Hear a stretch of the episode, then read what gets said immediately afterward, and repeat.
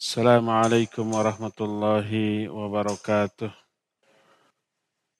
الحمد لله والصلاة والسلام على رسول الله محمد بن عبد الله وعلى آله وأصحابه ومواله ومن تبعهم بإحسان إلى يوم القيامة. وبعد Alhamdulillah kembali kita berjumpa melanjutkan kajian amalan hati. Kita sedang membahas tafakkur. Dan yang kita sedang bicarakan adalah beberapa buah dari tafakkur. Poin terakhir, buah dari tafakkur adalah tajdidul iman atau memperbaharui iman. Kita lanjut ke poin terakhir. Poin ke-10 dari buah dari tafakur annahu sabilun qawiyun limudafa'atil hawa. Tafakur adalah jalan yang kuat atau cara yang paling jitu untuk menolak atau memerangi hawa nafsu, untuk menolak ajakan hawa nafsu. Berkata Imam Ibnu Jauzi rahimahullah yang beliau terangkan dan dikutip oleh Imam Ibnu Qayyim rahmatullahi alaih. Kata Ibnu Jauzi, i'lam anna mutlaqal hawa yad'u ila ladzatil hadirah min ghairi fikrin fi aqibatihi wa yahuthu ala naili syahwati ajilan wa in kanat sababan lil alamil wal adha fil ajil wa mana ladzatil fil ajil Ketahuilah bahwa umumnya hawa nafsu itu mengajak kepada kenikmatan atau kesenangan sesaat tanpa memikirkan akibat buruk yang akan dialaminya. Jadi seluruh perbuatan buruk, dosa dan maksiat itu karena tidak memikirkan efek buruk dari dosa dan maksiat tersebut. Jadi umumnya hawa nafsu mengajak manusia untuk meraih kenikmatan sesaat tanpa berpikir akibatnya dan mendorong manusia untuk melampiaskan syahwat sesegera yang dia bisa sekalipun hal itu menjadi penyebab teraihnya penderitaan baik segera ataupun tertunda dan yang sudah jelas terhalangnya kelezatan yang abadi kelak di akhirat. Rata-rata orang yang terjerumus ke dalam dosa dan maksiat karena dua hal. Hal yang pertama ingin merasakan kesenangan walaupun hanya sesaat itu saja. Kedua, tidak peduli bahwa kelak kelak itu mungkin di dunia di masa yang akan datang, di masa tua ataupun apalagi di akhirat kesenangan dan kelezatan hawa nafsu itu tidak bisa dia raih di akhirat. Bahkan azab. Nabi SAW menyatakan siapa orang yang meminum khamar di dunia, dia tidak akan bisa meminum khamar di surga.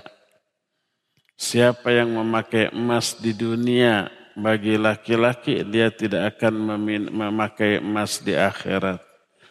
Siapa orang yang melampiaskan syahwat kepada wanita yang tidak halal baginya, maka haram bidadari surga bagi orang seperti itu. Jadi seluruh kesenangan dan kenikmatan dunia yang haram menghalangi kenikmatan yang sama jenisnya di akhirat nanti. Oleh karena itulah maka terjerumusnya manusia ke dalam dosa dan maksiat lahir dari tidak berfikirnya dia tentang akibat jangka panjang dalam kehidupan dia. Dan ini berarti orang yang bertafakur, berfikir baik buruknya sesuatu, baik buruk efek dari yang dia lakukan, maka akan menyebabkan dia bisa menolak ajakan hawa nafsu untuk menikmati kesenangan sesaat. Seperti contoh ada dua contoh dalam kehidupan kita yang tindakannya itu tidak memikirkan akibat. Pertama, anak kecil masih balita. Karena dia belum pengalaman dalam hidup, belum berpikir secara matang dan jauh, dia sering meminta atau melakukan sesuatu yang membahayakan dirinya. Pagi-pagi sudah minta es krim umpamanya, ya. Atau ah, apalagi sekarang ini tidak hanya bagi balita, ABG atau bahkan orang tua yang tidak peduli kepada akibat jangka panjang yaitu main game baik di HP ataupun di video di di komputer, di laptop seperti itu. Dia ingin ingin memperoleh kesenangan sesaat itu. Tapi efek jangka panjangnya buruk baik di dunia apalagi di akhirat nanti. Anak ketika nangis kasih aja HP, anteng dia. Ketagihan terus. Oleh karena itulah maka anak kecil sering meminta melakukan sesuatu tanpa berpikir akibat buruk yang dilakukannya. Kedua adalah binatang. Binatang memiliki apa? Keinginan. Memiliki naluri. Tapi tidak memiliki akal. Punya otak tidak binatang? Punya otak. Saya suka makan otak. Otak sapi, otak kambing gitu. Ada otaknya. Tapi nggak punya akal. Dan akallah yang berfungsi, berguna untuk berpikir dan memahami. Bukan otak. Allah berfirman, lahum qulubun la yafqahuna biha. Mereka punya hati. Tapi hati itu tidak mereka gunakan untuk memahami. Ini menunjukkan fungsi yang berfungsi memahami, yang berfungsi berpikir bukan otak, tapi hati. Nah, hati ini adalah sinonim dari akal. Akal itu hati. Imam Ibnu Kathir menukil pendapat Mujahid ketika menerangkan inna fi dzalika laayatin liman kana lahu qalbun. Sesungguhnya dalam hal yang demikian ada tanda-tanda eh, kekuasaan Allah bagi orang yang punya qalbun, punya hati. Kata Mujahid, Qatadah yang dinukil oleh Imam Ibnu Katsir, ai aklun. Kalbun di sana maknanya akal. Karena fungsi hati adalah berpikir atau memahami, bukan otak. Binatang hanya punya otak, tapi tidak punya akal. Binatang punya lever, tapi tidak punya hati. Karena itulah mereka tidak berpikir tentang akibat yang akan datang, tidak berpikir tentang cita-cita hidup. Nanti saya kalau sudah tua mau punya cita-cita begini, begini, begini. Binatang nggak punya itu. Apalagi untuk kehidupan di akhirat. Binatang tidak tahu mereka akan dibangkitkan di akhirat. Kita tahu kita akan dibangkitkan di akhirat. Allah berfirman, wa idal wuhushu husyirat. Dan ketika binatang-binatang itu nanti dikumpulkan di akhirat. Ditegakkanlah keadilan antar sesama binatang. Setelah semua urusan binatang selesai, binatang dikembalikan menjadi tanah. Tidak terus dihisab sampai ke surga ke neraka, tidak. Kembalikan jadi tanah. Beres binatang mas sampai di sana. Orang kafir melihat, loh binatang dikembalikan jadi tanah. Mereka pun berangan-angan ingin jadi tanah. Wa yaqulul kafiru ya laitani kuntu turaba. Saat itu berkatalah orang-orang kafir, aduh celaka aku. Seandainya aku pun dikembalikan jadi tanah seperti binatang itu. Hanya harapan kosong. Orang kafir tidak dikembalikan jadi tanah terus diproses sampai ke neraka. Binatang tidak tahu mereka akan dibangkitkan. Mereka tidak punya cita-cita dalam hidupnya. Yang mereka lakukan hanyalah kesenangan sesaat. Kebutuhan makan, minum, dan syahwat sudah ada kesempatan untuk meraih kesenangan itu di hadapan mereka tanpa mikir akibatnya, langsung mereka ambil kesempatan itu. Nah, oleh karena itulah maka naluri kebinatangan menyebabkan mereka itu tidak berpikir tentang cita-cita hidupnya. Baik cita-cita hidup selama hidup di masa tua, apalagi sampai ke akhirat karena mereka tidak diberikan pemahaman untuk itu. Akan tapi orang-orang yang berakal, manusia yang memfungsikan akalnya, dia bertafakur, dia berpikir.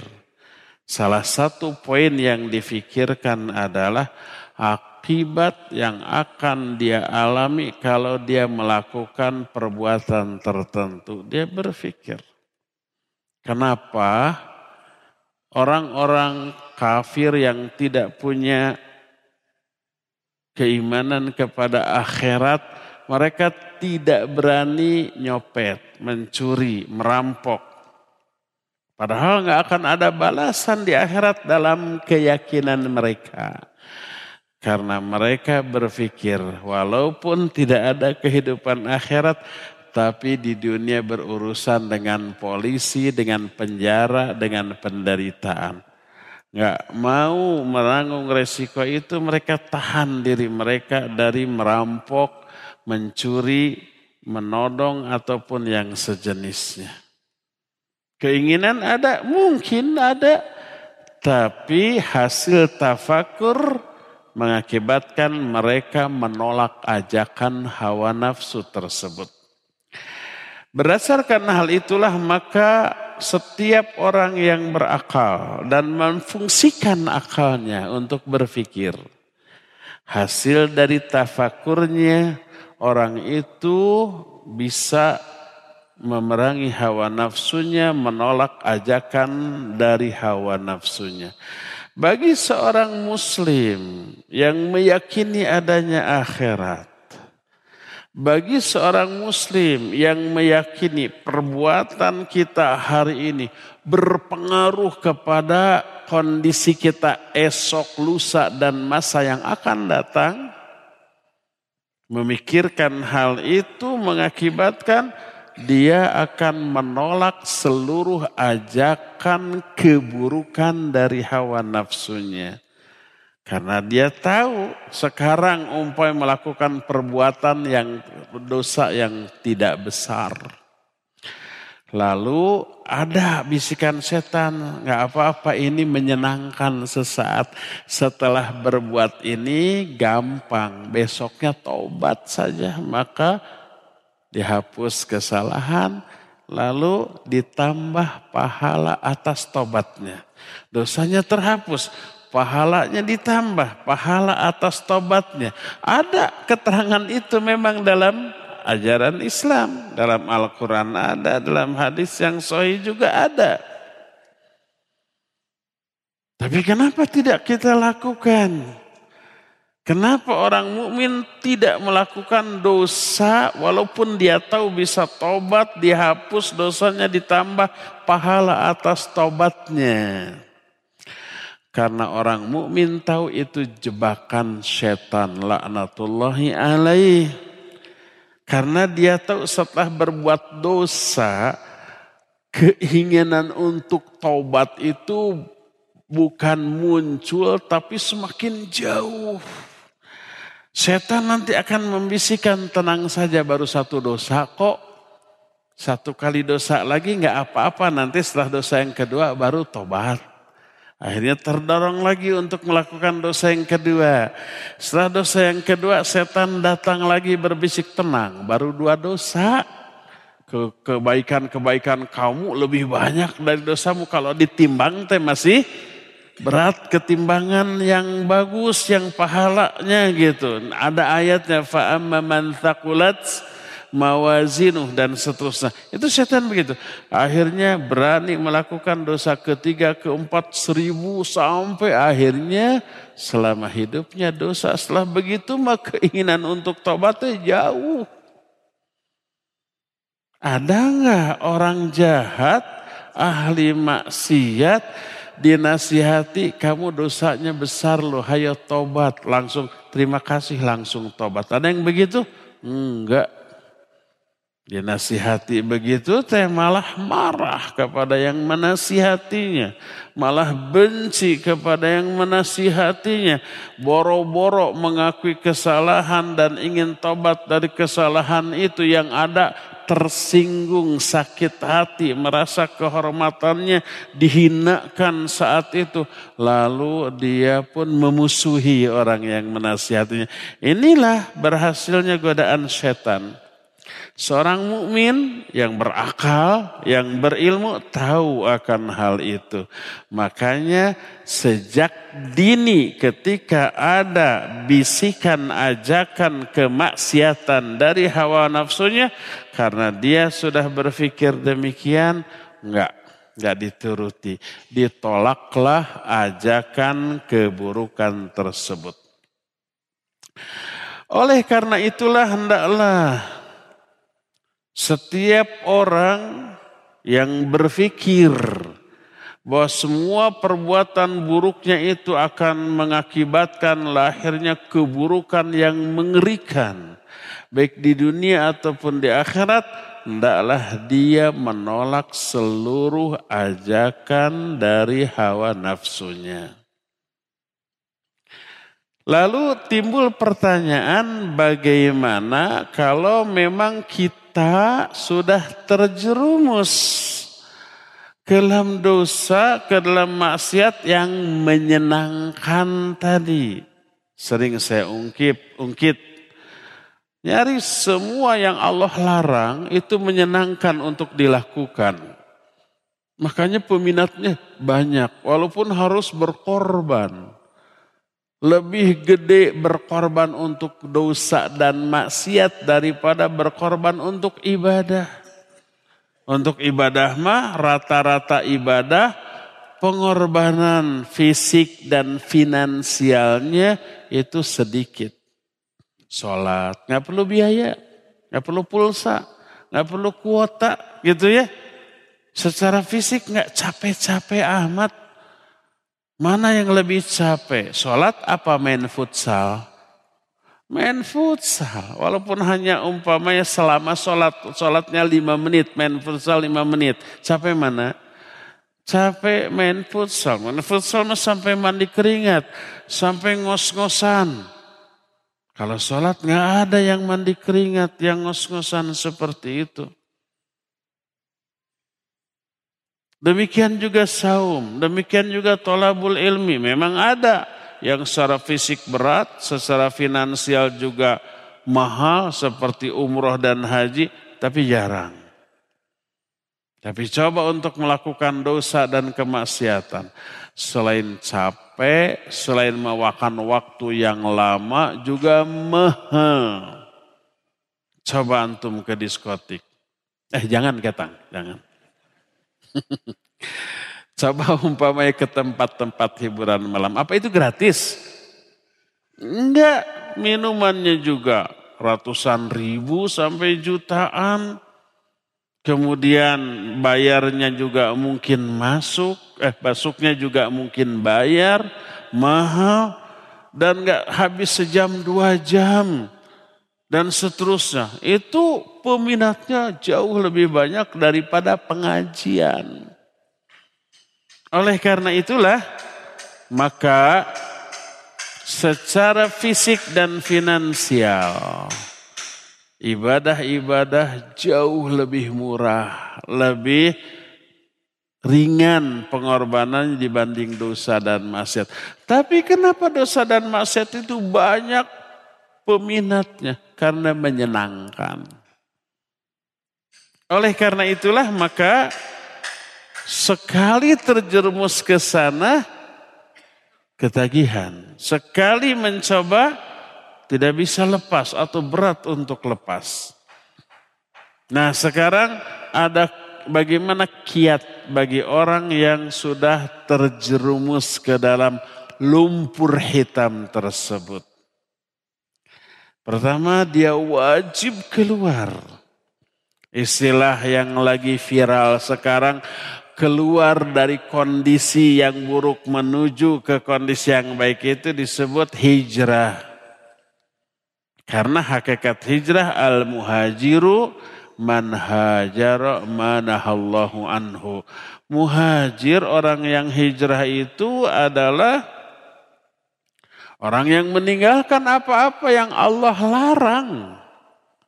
Baik yang dilarang itu perbuatan, termasuk lingkungan, termasuk berkawan. Dengan siapa kita berkawan? Di lingkungan bagaimana kita berada? Itu syariat mengharuskan kita meninggalkan segala yang buruk. Perbuatan buruk, kawan buruk, lingkungan yang buruk, kebiasaan yang buruk. Itu tinggalkan, itu hakikat dari hijrah.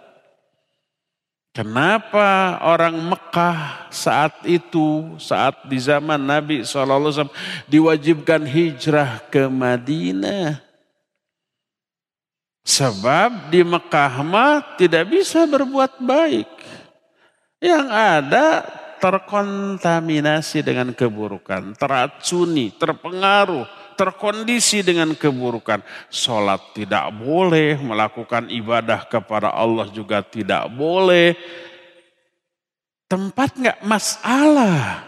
Kalau tempat tersebut baik, tapi lingkungan, kebiasaan, kondisi yang menyebabkan kita tidak bisa berbuat baik, tidak bisa meninggalkan keburukan, itu yang menyebabkan kita harus pindah dari tempat itu.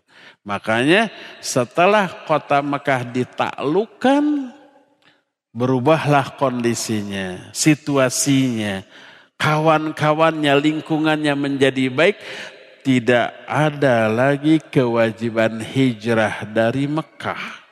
Tempat nggak masalah, tapi lingkungan, kawan bergaul kita, itu yang harus kita pilih-pilih, itu yang harus kita tinggalkan. Segala yang buruk dari hal itu harus kita tinggalkan. Itu hakikat dari hijrah yang sebenarnya.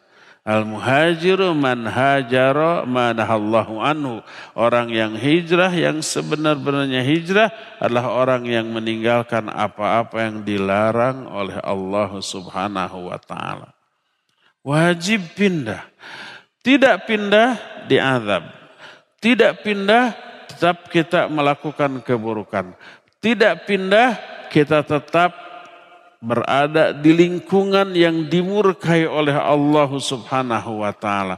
Tidak pindah kena azab. Nah, sekarang timbul pertanyaan gimana cara pindahnya? Hijrah itu tidak mudah. Hijrah itu berat. Meninggalkan sesuatu yang disukai, yang disenangi, yang membuat kita happy walaupun happy yang semu dan sesaat. Itu tidak mudah. Apalagi sudah ada ketergantungan, apalagi sudah ada unsur ketagihan, kecanduan, nggak mudah seperti itu, ya. Bagaimana cara untuk bisa berhijrah secara benar. Dan ada tujuh langkah. Gini, tujuh langkah. Tujuh poin, tujuh perkara yang harus dilakukan untuk bisa keluar dari kondisi buruk seperti itu. Dan ketujuh-tujuhnya merupakan hasil dari tafakur. Apa sajakah tujuh langkah untuk bisa berhijrah secara benar tersebut? Apa sajakah tujuh poin agar kita bisa keluar dari lingkungan yang buruk? Poin yang pertama, At-tafakkuru fi annal insan lam yukhlaq lil hawa. Wa innama huya lin nadhar fil awaqib wal amali lil ajil. Pertama, kita harus berpikir bahwa manusia tidak diciptakan untuk mengikuti seluruh keinginan hawa nafsu. Tidak untuk itu manusia diciptakan, tapi diciptakan untuk memperhatikan akibat dari seluruh perbuatan kita. Itu yang menjadi hakikat dari ibadah. Allah berfirman, "Wa khalaqtul jinna wal insa illa li liya'budun. Tidaklah aku ciptakan jin dan manusia kecuali untuk beribadah kepadaku. Manusia itu tidak diciptakan untuk bersenang-senang. Mengikuti seluruh kehendak hatinya, naluri hidupnya enggak. Tapi diciptakan untuk beribadah kepada Allah subhanahu wa ta'ala. Untuk beramal lil ajil Lil ajil itu untuk masa kelak di masa yang akan datang. Walaisa lil ajil bukan untuk ajil ajil dengan ain bukan tapi dengan alif ajil bukan ain ajil. Apa bedanya kalau dengan ain ajil yang segera yaitu di dunia. Kalau ajil yang tertunda nanti di akhirat. Kita beramal lil ajil walaisa lil ajil. Untuk kelak bukan untuk saat ini. Karena Ali bin Abi Thalib radhiyallahu an menyatakan kata beliau anna lil akhirati banun Walidunya banun wa kunu min abna'il akhirah wa la takunu min, ab, min abna'id dunya. Sesungguhnya akhirat itu punya penghuni, dunia juga punya penghuninya. Jadilah kamu penghuni akhirat dan jangan menjadi penghuni dunia.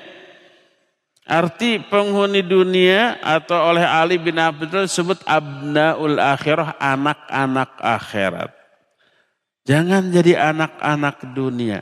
Maknanya jadilah kita beramal untuk akhirat. Bukan untuk dunia. Seluruh rizki, kebutuhan hidup kita di dunia itu sudah dijamin, sudah itu mah. Gak perlu difikirkan, tinggal ikhtiar lahir batin sudah. Selama rizkinya belum sampai kepada dia, selama itu tidak akan mati terlebih dahulu. Sampai seluruh rizkinya sampai kepada dia. Kalau seluruh rizkinya sudah sampai, mati sudah. Nah, jadilah kamu anak-anak akhirat. Dan jangan kamu jadi anak-anak dunia. Kenapa? Karena di dunia sekarang hanya ada amal tanpa hisab, di akhirat hanya ada hisab tanpa ada amalan. Oleh karena itu kita beramal sekarang di dunia ini tuh bukan untuk agar senang di dunia tapi agar senang di akhirat. Kalau anak-anak dunia berpikirnya gimana agar bisa senang di dunia, akhirat gimana nanti? Enggak begitu, itu anak-anak dunia. Kita diperintahkan menjadi anak-anak akhirat. Pola pikirnya bagaimana caranya agar bisa bahagia di akhirat dengan memanfaatkan hidup selama di dunia ini. Makanya kalau ada rizki di-share untuk akhirat. Kalau ada kekuasaan dipakai memberantas kezaliman, membela kebenaran untuk kepentingan akhirat. Dan seterusnya. Seperti itu. Nah jadi manusia diciptakan untuk hidup di akhirat. Bukan untuk hidup di dunia. Maka setelah berpikir seperti itu,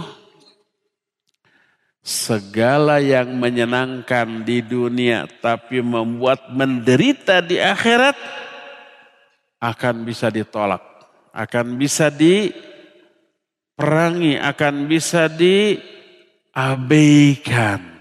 Tahu ini menyenangkan, ini bikin happy tapi sesaat. Tapi nanti di akhirat akan menderita. Bahkan tidak di akhirat-akhirat amat, di dunia di masa yang akan datang juga sudah menderita.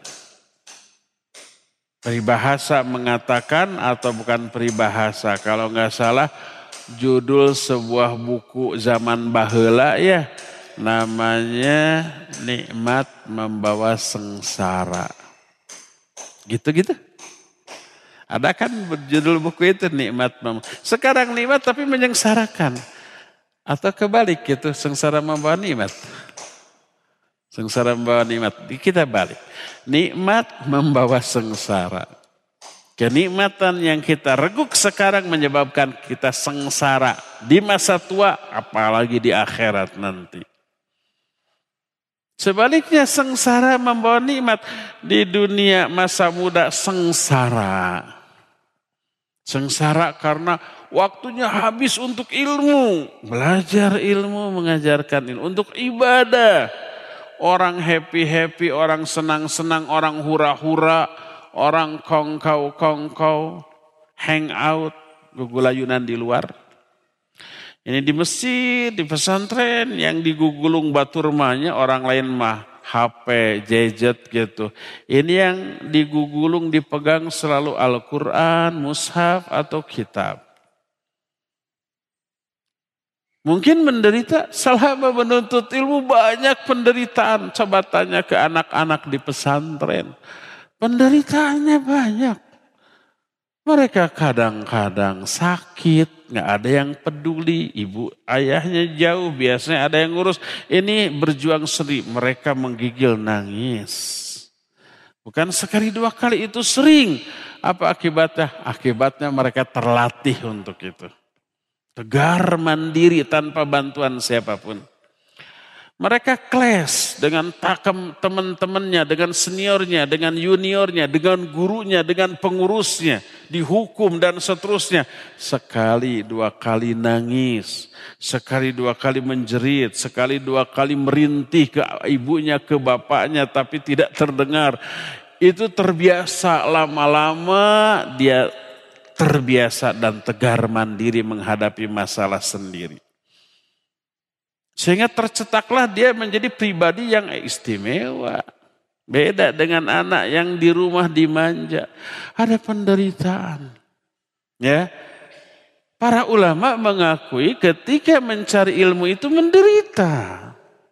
Imam Syafi'i rahimahullahu taala sampai menyatakan siapa orang yang tidak pernah merasakan penderitaan ketika mencari ilmu dia harus bersiap-siap merasakan penderitaan kebodohan di masa tuanya.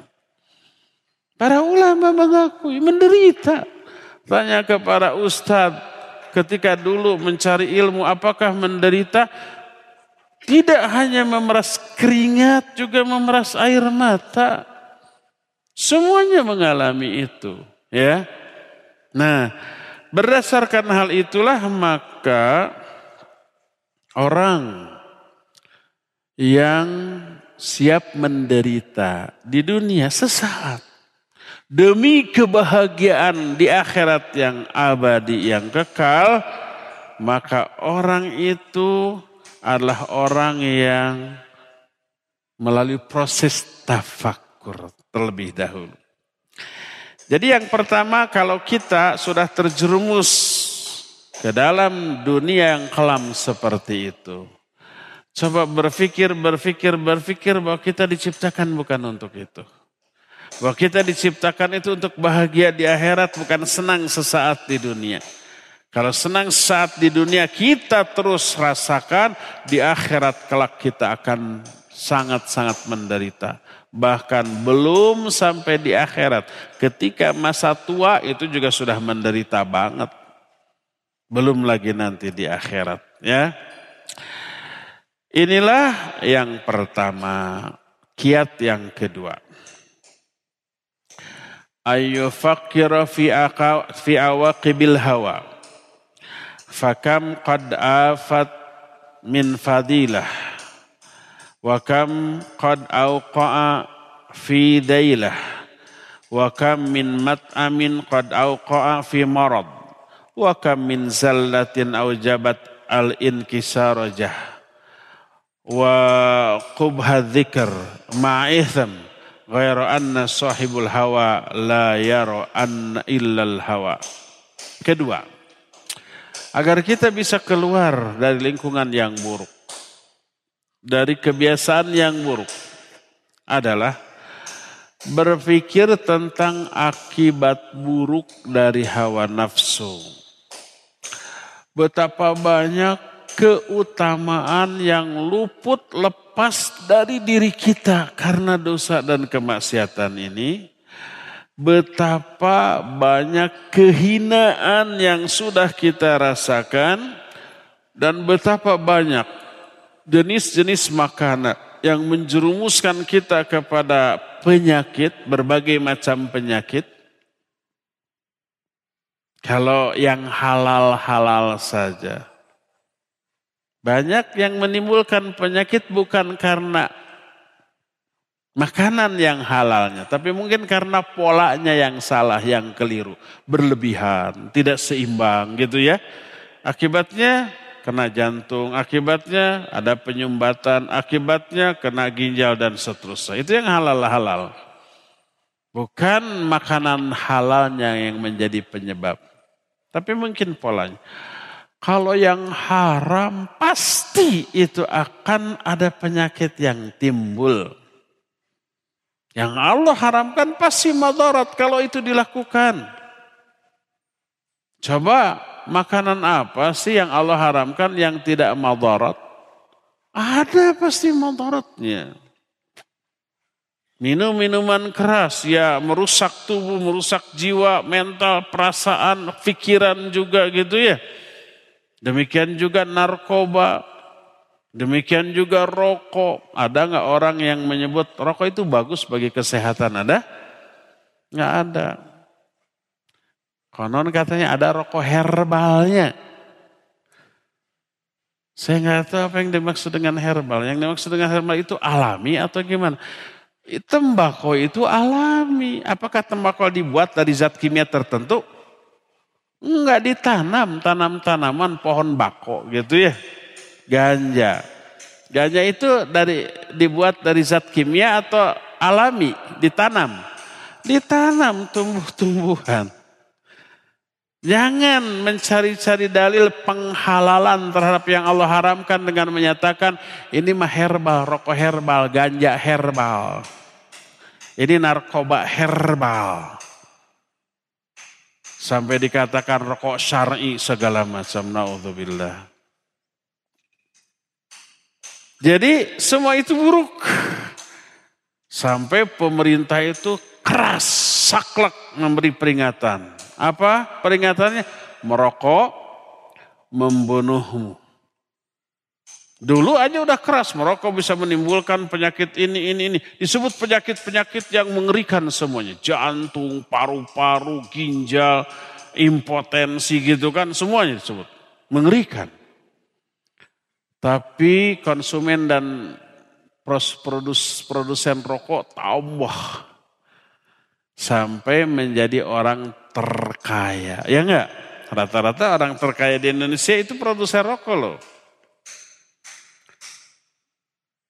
Tambah kejam lagi pemerintah, bukan kejam, bagus sebenarnya.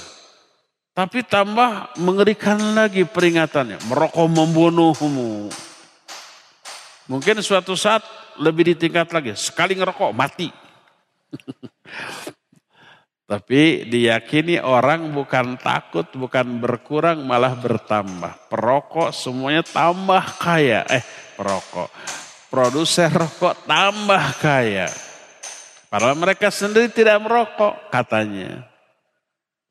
Berdasarkan hal itulah maka tidak mudah untuk keluar dari kondisi seperti itu ya. Nah, semua yang Allah haramkan itu pasti ada madarat. Pasti ada penyakit yang ditimbulkan akibat dari hal itu. Dan betapa buruknya cap yang diberikan oleh manusia kepada pelaku dosa dan maksiat itu. Diucapkan dengan nada nyinyir dan merendahkan. Si pemabuk, si penjudi, si pezina, si pencuri, si pencopet dan seterusnya kan itu adalah sebutan-sebutan yang buruk di tengah masyarakat bagi para pelaku dosa seperti itu ditambah dengan dosa di mata Allah Subhanahu wa taala. Oleh karena itu maka melihat buruknya akibat dari hawa nafsu berupa hilangnya berbagai macam keutamaan, kemudian terjerumusnya ke dalam kehinaan, kemudian terjangkitinya kita dengan banyak-banyak penyakit gitu ya. Orang yang kena narkoba banyak yang mati mendadak karena overdosis. Orang yang umpam merokok banyak kena kanker, banyak kena paru-paru, banyak kena ini dan kena itu ya.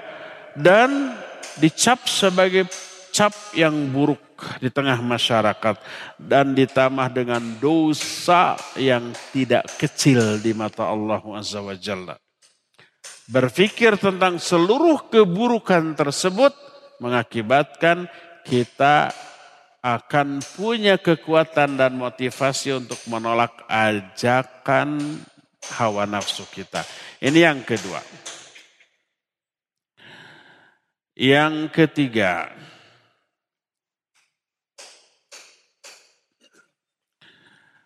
Langkah yang ketiga, hendaklah kita berfikir.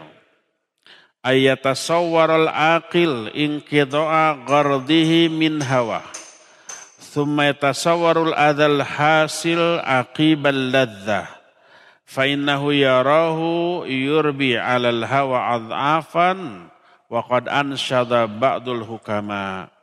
Wa afdalun nas man lam yartakib sababan hatta yumayyiza ma tajni awaqibuh.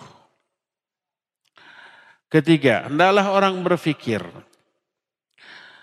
tentang apa? Tentang jalan akhir atau kehidupan akhir dari pengikut hawa nafsu. bahwa langkah-langkah yang dilakukan pengikut hawa nafsu semakin lama semakin pekat. Orang menjadi ahlul kabair, ahlul kabair itu para pelaku dosa besar, tidak ujug-ujug. Tapi bertahap, step by step. Slow but sure. Selangkah demi selangkah. Orang yang suka ngaji kayak gini, ahli ibadah, ahli masjid. Diajak merampok, diajak narkoba, diajak berzina, diajak mabuk. Yakin atau ditolak, ih amit-amit, na'udzubillah. Karena jaraknya terlalu jauh antara kondisi dia yang imannya sedang hebat, diajak dosa besar, pasti akan ditolak.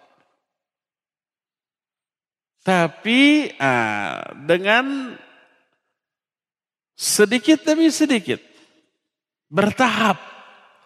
Mula-mula diajak dulu, yuk makan-makan bareng dulu. gitu. Makan bareng, apa-apa makan bareng. Tidak dosa gitu. Nah dalam makan bareng itu obrolan-obrolan. Teman-teman ngerokok, ini kamu kok nganggur ngerokok? Enggak, sedot, satu sedot aja. Enggak, enggak, enggak. Haram. Udah, sekali besoknya diajak makan lagi. Lama-lama. Enggak apa-apa satu kenyat masal jangan ditelan aja. Setelah dihisap, keluarin lagi enggak apa-apa. Enggak dosa, karena enggak ditelan. Ada ngerokok ditelan? Nggak ada ya, pasti dikeluarin lagi. Akhirnya cobalah sekenyot. Akhirnya masuklah dia kepada lingkungan para perokok. Akhirnya kecanduan.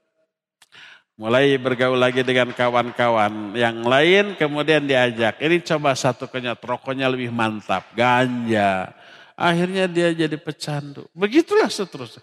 Setelah dia jadi pemabuk, maka mudah diajak berjudi, berzina, dan merampok, dan yang lain-lain bisa berani. Jadi bertahap. Ya, itu yang pertama. Kedua, kedua nih. Kerugian dari dosa dan maksiat, hilangnya iman, tergerusnya iman. Sekali maksiat iman tergerus. Kadar iman yang tergerus sesuai dengan kadar kemaksiatan. Semakin gede kemaksiatan, semakin banyak kadar iman yang tergerus dari dirinya. Apa akibatnya? Akibatnya malas lagi ibadah, berat. Tadinya selalu berjamaah di awal waktu menjadi sendiri di rumah.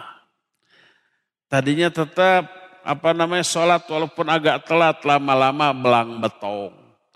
Tadinya rajin ngaji, sekarang mah jadi ah males sering kesindir sama ustadznya. Baperan dia. Dikiranya ustadz lagi nyindir dia, padahal kenal juga kan tidaknya. Saya males ngaji, selalu disindir oleh ustadznya. Males, ah, akhirnya berhenti dia ngaji. Begitu terus. Jadi setidaknya pertama dengan berdosa dan bermaksiat keberanian dia untuk melakukan dosa itu tambah kuat, tambah gede. Kedua, dengan dosa dan maksiat iman tergerus dan ini berefek pada apa? Malasnya dalam melakukan ibadah. Jangan ditanya kualitas ibadah. Malas ibadah itu karena kualitas ibadahnya yang buruk. Dulu mungkin awal-awal ketika ngajinya rajin sholat itu terasa nikmat. Membaca Al-Quran itu kalau nggak baca Quran Ba'da sholat sekali saja, aduh ada yang hilang dalam jiwa. Apalagi seharian. Apalagi safar umpamanya seharian, walah nggak nggak sempat baca Quran, terasa ada sesuatu yang hilang dari jiwa. Begitu sampai langsung baca, cari musab, langsung dibaca. Adem. Awalnya begitu. Lama-lama sholat dan baca Al-Quran tidak lagi terasa nikmat, Tidak lagi terasa sebagai sesuatu yang dia butuhkan, sesuatu yang hambar. Kalau sudah begitu meninggalkannya juga nggak akan berat. Meninggalkannya juga tidak akan lagi merasa dosa besar. Ini poin kedua yang hilang karena dosa dan maksiat. Poin pertama, keinginan untuk berbuat dosa tambah berani. Poin yang kedua, malas dalam melakukan ibadah. Poin yang ketiga, nah ini yang lebih parah. Yang lebih parah adalah ingatan dia kepada Allah tidak lagi terkait. Dan itu sebesar-besar azab yang Allah berikan kepada seorang mukmin. Azab yang Allah berikan itu bukan berupa penderitaan fisik, psikis yang seperti itu enggak. Kalau orang diberi penderitaan fisik, diberi umpah penderitaan secara psikis, itu masih ingin mendekat kepada Allah wa Dia ingin berdoa malam-malam bangun tahajud. Siangnya saum sunnah, Al-Quran dibaca. Kalau diberi azabnya itu berupa fisik atau psikis. Maka para ulama menyatakan azab terberat bagi seorang mukmin yang Allah berikan adalah dijauhkannya dia dengan Allah Subhanahu wa taala. Kalau sudah jauh sementara secara fisik dan secara psikis dia merasa sehat, tidak ada apa-apa. Ini yang berbahaya. Dia enjoy dalam melakukan dosa dan kemaksiatan.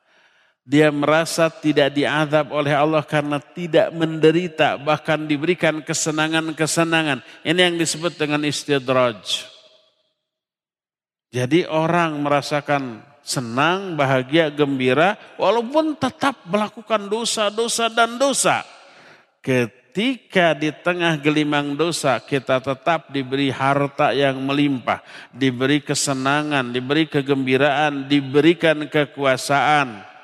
Padahal yang kita lakukan dosa, dosa, dosa, maka itu istidraj. Hati-hati itu menunjukkan hilangnya cinta Allah kepada kita. Allah nggak peduli lagi deh.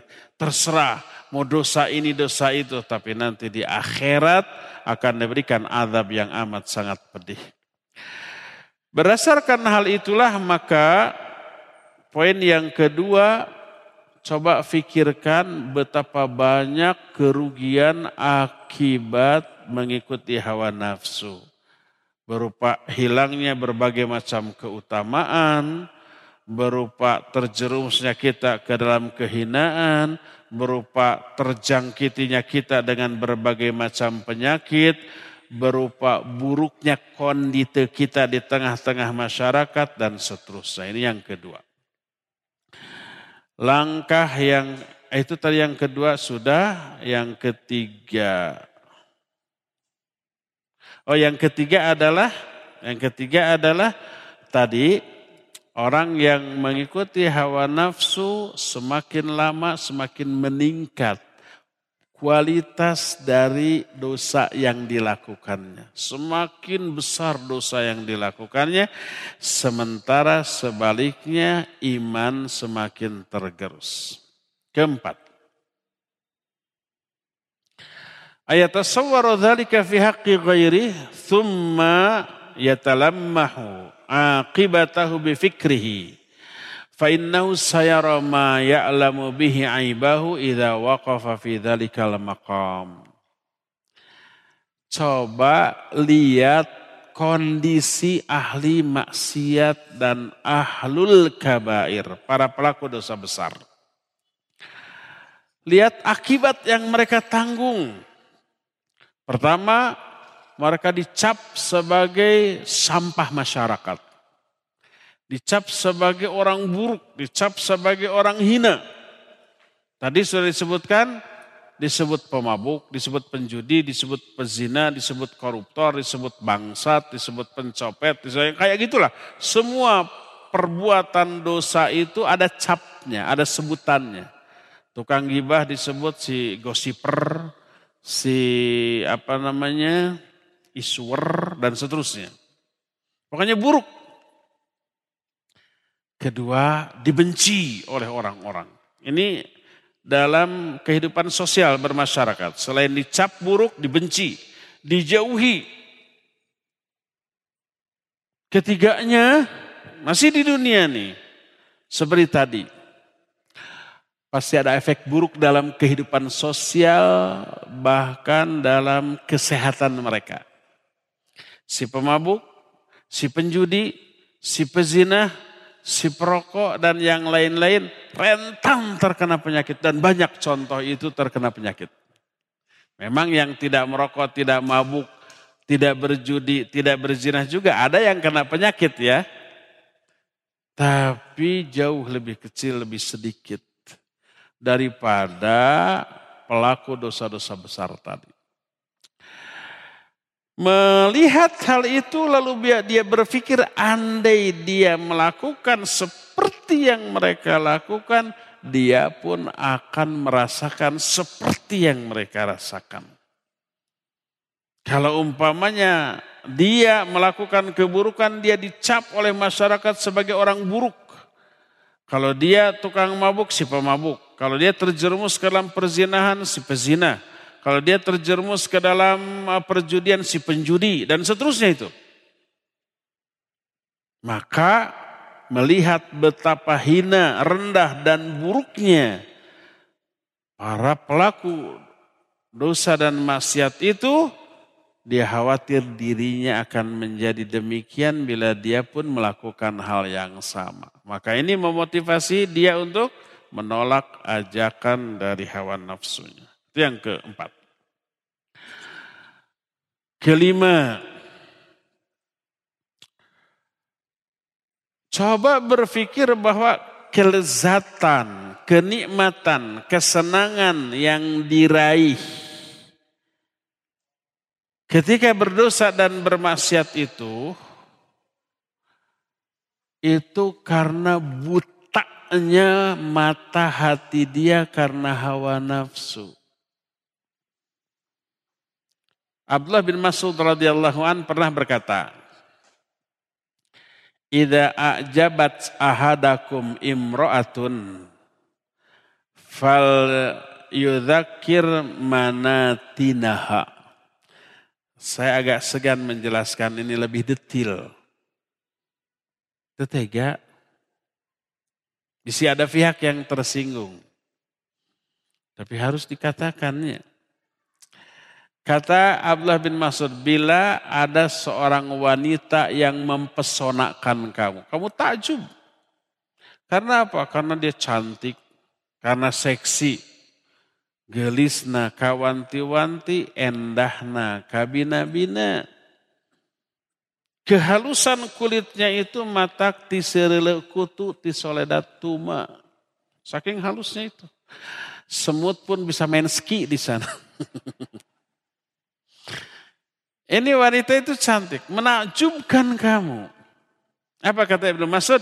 Fal yudhakir manatinaha. Ke mana terjemahkan nanya? Pun tenahwat ya. Ingatlah ingat-ingatlah oleh kamu baunya wanita itu.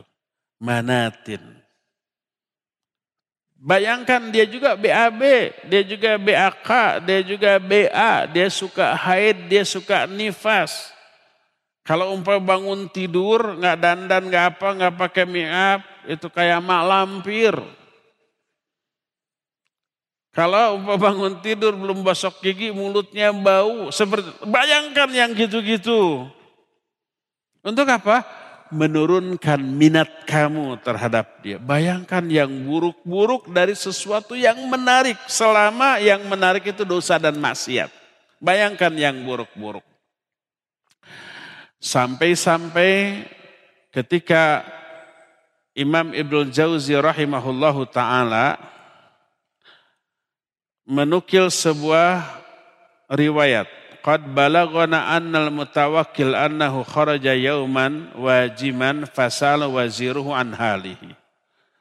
Suatu saat al-mutawakkil, seorang khalifah, al-mutawakkil billah, keluar Ditanya oleh menterinya, bagaimana keadaan dia? Dia jawab begini, Fiddari ishruna wa mi'ah jariyah, ma fihinna man tatlubuhu nafsi. Di rumahku itu ada 120 jariah. Jariah itu hamba sahaya wanita. Di rumahku ada 120 hamba sahaya wanita dan hamba sahaya halal digauli oleh tuannya. Al-Quran menyatakan demikian. Illa ala azwajihim awma malakat aimanuhum fa innahum malumin. Seorang muminlah orang yang memelihara farajnya. Kecuali kepada istri atau kepada hamba sahaya wanita yang mereka miliki. Kepada dua pihak itu mereka tidak tercela. Itu ada dalam surah Al-Mu'minun, juga ada dalam surah Al-Ma'arij. Lafadnya sama. Nabi SAW juga bersabda, Man tazawwaja imru'atan awishtara jariyatan fal yakhud bin. Siapa laki-laki yang me, telah menikahi seorang wanita, baru akad nih, atau membeli seorang hamba sahaya wanita, pegang ubun-ubunnya dengan tangan kanannya. Lalu doakan doa ini dan seterusnya. Ini menunjukkan status kehalalan istri dan hamba wanita itu sama. Halal, boleh. Kata Al-Mutawakil Billah, di rumah saya ada 120 hamba saya wanita. Tak ada satu pun yang mampu memikat saya. Saya tidak tertarik untuk menggauli mereka. Te Noel-Noel acan, te direret-reret acan kata orang Sunda mah. Ketika ditanya kenapa, apa resepnya? Sementara orang-orang jangankan istri dan hamba saya sendiri, istri orang juga diintip. Wanita lain juga dikejar-kejar. Ini mah banyak stok, tidak dilirik sedikit pun dia bilang eh, dia bilang bahwa untuk bisa seperti itu saya membayangkan seluruh aib dan kekotoran yang ada pada diri mereka. Pakaian mereka hanya untuk menutupi aurat-aurat mereka yang memiliki aib, ya. Maka di dalam badan mereka ada banyak kotoran najis di perutnya. Dan kalau itu keluar maka menjijikan. Walaupun penampilan fisiknya cantik. Saya bayangkan hal itu maka saya pun tidak berminat. Inilah yang dimaksud dengan ucapan Abdullah bin Masud. Bila ada seorang wanita menakjubkan kamu, berfikirlah tentang seluruh keburukan dalam wanita itu. Qala ba'dul hukama telah berkata sebagian para hakim. Para hakim maknanya para ulama. Man wajada rihan karihatan min bahmubatin sallah wa kafa bil fikri fi hadal amri daf'an lil iskil mutlaq. Siapa orang yang mencium bau dari orang yang dikasihinya Apa pun baunya mungkin BAB-nya, kencingnya atau bau mulutnya dan seterusnya. Siapa yang mencium baunya maka akan menurunlah hasrat dia kepada orang tersebut. Maka cukuplah dengan berpikir tentang hal ini bisa menolak ajakan kemaksiatan dari hal tersebut. Itulah yang ke berapa? Keempat apa kelima? Kelima ya. Keenam dan ketujuh kita akan jelaskan di hari Kamis yang akan datang karena waktunya sudah tidak mencukupi untuk diteruskan. Cukup sampai di sini dan sisa waktu yang ada kita akan gunakan untuk tanya jawab. Wassalamualaikum ala nabiyina Muhammadin wa ala alihi wa ashabihi wasallam.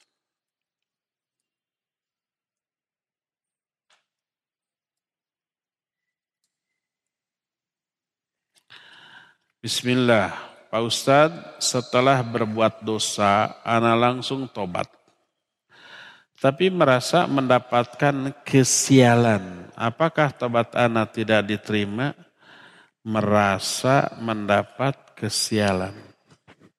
Hanya perasaan saja gitu? Atau setelah itu kemudian mengalami kecelakaan? Setelah tobat mengalami kecelakaan, mengalami musibah. Apakah maksudnya begitu atau hanya perasaan sial saja? Baik, kita bahas dua-duanya. Kalau sekedar perasaan sial, setelah berbuat dosa lalu tobat.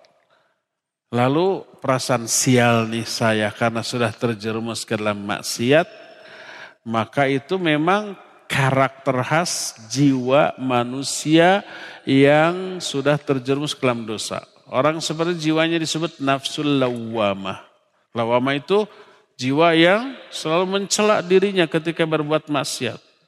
Masuk ke dalam maksiat, dia menyesal mencela diri. Kamu kenapa saya ini begini, begini, begini. Nah, itu mungkin ungkapan kesialan dari yang dimaksud dalam pertanyaan ini. Kalau itu yang dimaksud sial nggak apa-apa ya. Bagus ada rasa penyesalan agar tidak berbuat lagi. Tapi kalau yang dimaksud kesialan di sini adalah ada musibah yang dia alami setelah taubat, maka apakah itu menunjukkan tobatnya tidak diterima? Tidak demikian. Diterima atau tidaknya tobat tidak dilihat dari apa yang teralami setelahnya. Apakah ada musibah atau tidak. Tapi dilihat dari terpenuhi enggak tujuh syarat diterimanya tobat. Dia berhenti dari dosa itu dia menyesal, dia bertekad tidak mengulang lagi, kalau berkaitan dengan hak orang kembalikan hak itu ya ikhlas, lakukan sebelum sakaratul maut, lakukan sebelum matahari terbit dari sebelah barat. Kalau semua itu terpenuhi, insya Allah diterima dan itu yang disebut dengan taubatan nasuha. Apakah setelah itu dia dapat musibah atau tidak, itu urusan lain. Kalau ternyata dapat musibah, ya diantisipasi dengan cara sabar. Gitu ya. Wallahu a'lam bishawab.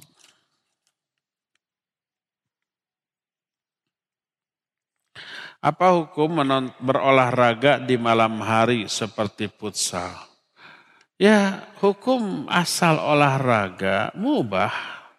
Mau futsal, mau sepak bola, mau badminton, mau jogging, mau lari, asal tidak melalaikan kewajiban pas adzan isya kita futsal. Ya dosa. Bukan dosa karena futsalnya, tapi karena dosa melalaikan sholat berjamaah. Tapi kalau seusai sholat isya beres lalu futsal, tidak masalah. Hukum asal dari olahraga adalah mubah. Kecuali kalau ada unsur yang dilarang. Dilarangnya seperti perjudian. Yang kalah bayar lapang. Judi itu yang kalah traktir minuman. Itu judi. Yang kalah harus menggendong pulangnya. Yang kalah beli bensin untuk pulang bareng-bareng. Itu judi. Nggak boleh ada unsur judi begitu. ya. Kedua, kedua nih, ini yang sering terjadi. ya. Jangan sampai merusak ukhuwah. Karena kalah emosi. Lalu mencela. Atau biasanya berantemnya bukan dengan lawan. Tapi dengan partner, dengan kawan. Ya, karena dia egois. Gocek sendiri, barijeng, tebisaun. Kesel, kenapa nggak dioper ke saya? Gemes, uh kamu dasar bulan. Nah akhirnya berantem. Atau badminton, double. Kan kadang-kadang pasangan kita nyebelinnya. Kitanya bisa. Tapi kawan kita lemah. Musuh tuh ke sana aja terus. Kesel. Kamu di depan. Saya di belakang, ini ke belakang lagi, gerbut lagi, gerbut lagi, takol ke rakyat. Nah itu yang tidak boleh ya. Jaga ukhuwah. Ini futsal olahraga itu untuk membangun ukhuwah, bukan merusak ukhuwah ya. Jadi selama hal-hal tidak terlarang, yang terlarang tadi tidak ada, boleh hukum asal ya. Asal tidak melahirkan hal-hal yang madarat dan tidak melalaikan kewajiban. Boleh eh, apa hukum menonton sepak bola? Menonton sepak bola maksudnya langsung apa di TV ya? Baik langsung atau di TV sama dengan menonton olahraga lain. Yang hukumnya selama hukum olahraga itu mubah, maka hukum melihatnya juga mubah. Selama tadi, selama tidak mengabaikan kewajiban, selama tidak ada madarat. Ya, bisa nggak berubah menjadi ibadah? Kalau mainnya ya main futsal, main sepak bola diniatkan untuk kekuatan fisik biar tidak loyo. Agar sekali jihad berkumandang kita tidak loyo. Kita kuat, lincah bergerak, nafas kita panjang, larinya cepat gitu ya. Nah, diniatkan untuk ke sana itu bisa saja bernilai pahala. Itu kalau yang mainnya ya. Adapun yang nontonnya bisa nggak menjadi lincah? Karena nonton sepak bola jadi lincah gerakannya teh. Bisa? Enggak begitu ya. Maka tetaplah dalam hal kemubahan. Kalau nontonnya ada judi nggak boleh. Ha? Kamu pegang mana? Ha? Pedang MA atau pegang AS? Eh jangan AS. Pegang AD. Saya AD, kamu MA gitu ya. Nama klub itu teh. Saya nggak hafal nama-nama klub. Kalau kalah, traktir baso. Judi itu ya, nggak boleh.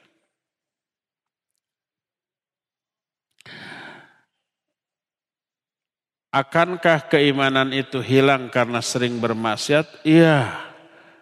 Tadi sudah dikatakan maksiat menggerus keimanan. Kadar keimanan yang tergerus berbanding lurus dengan kadar kemaksiatan yang dilakukannya ya. Bisa hilang iman? Ya bisa. Terakhir.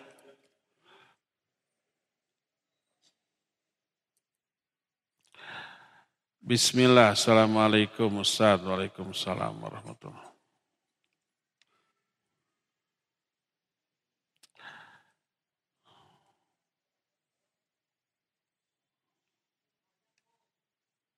Duh, teka baca eh. Lewat ah. Nah.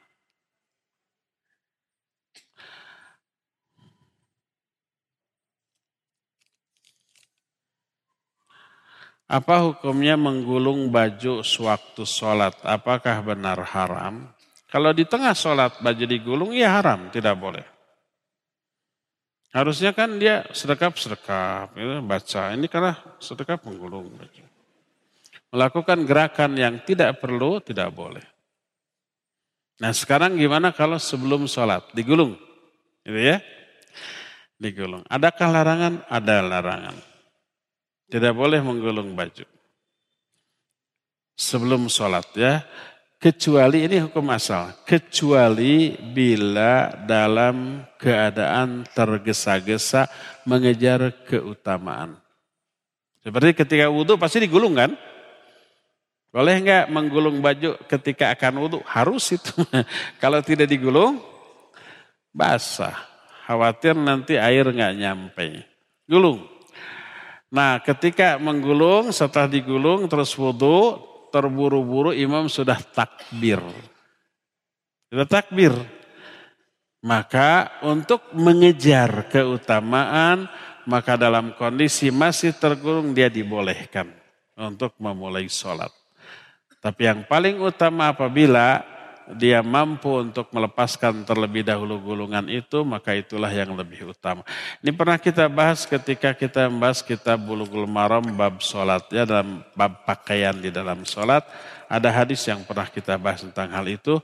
Cukup sampai di sini insya Allah kita jumpa kembali di hari Kamis yang akan datang. Subhanakallahum bihamdik asyhadu an la ilaha illa anta astaghfiruka wa atubu ilaik. Walhamdulillahi rabbil alamin. Wassalamualaikum warahmatullahi wabarakatuh